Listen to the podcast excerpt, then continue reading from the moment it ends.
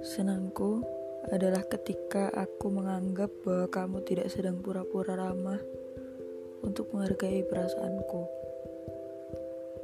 Dan sedihku adalah ketika aku ingat bahwa senangku adalah diriku yang sedang pura-pura baik-baik saja.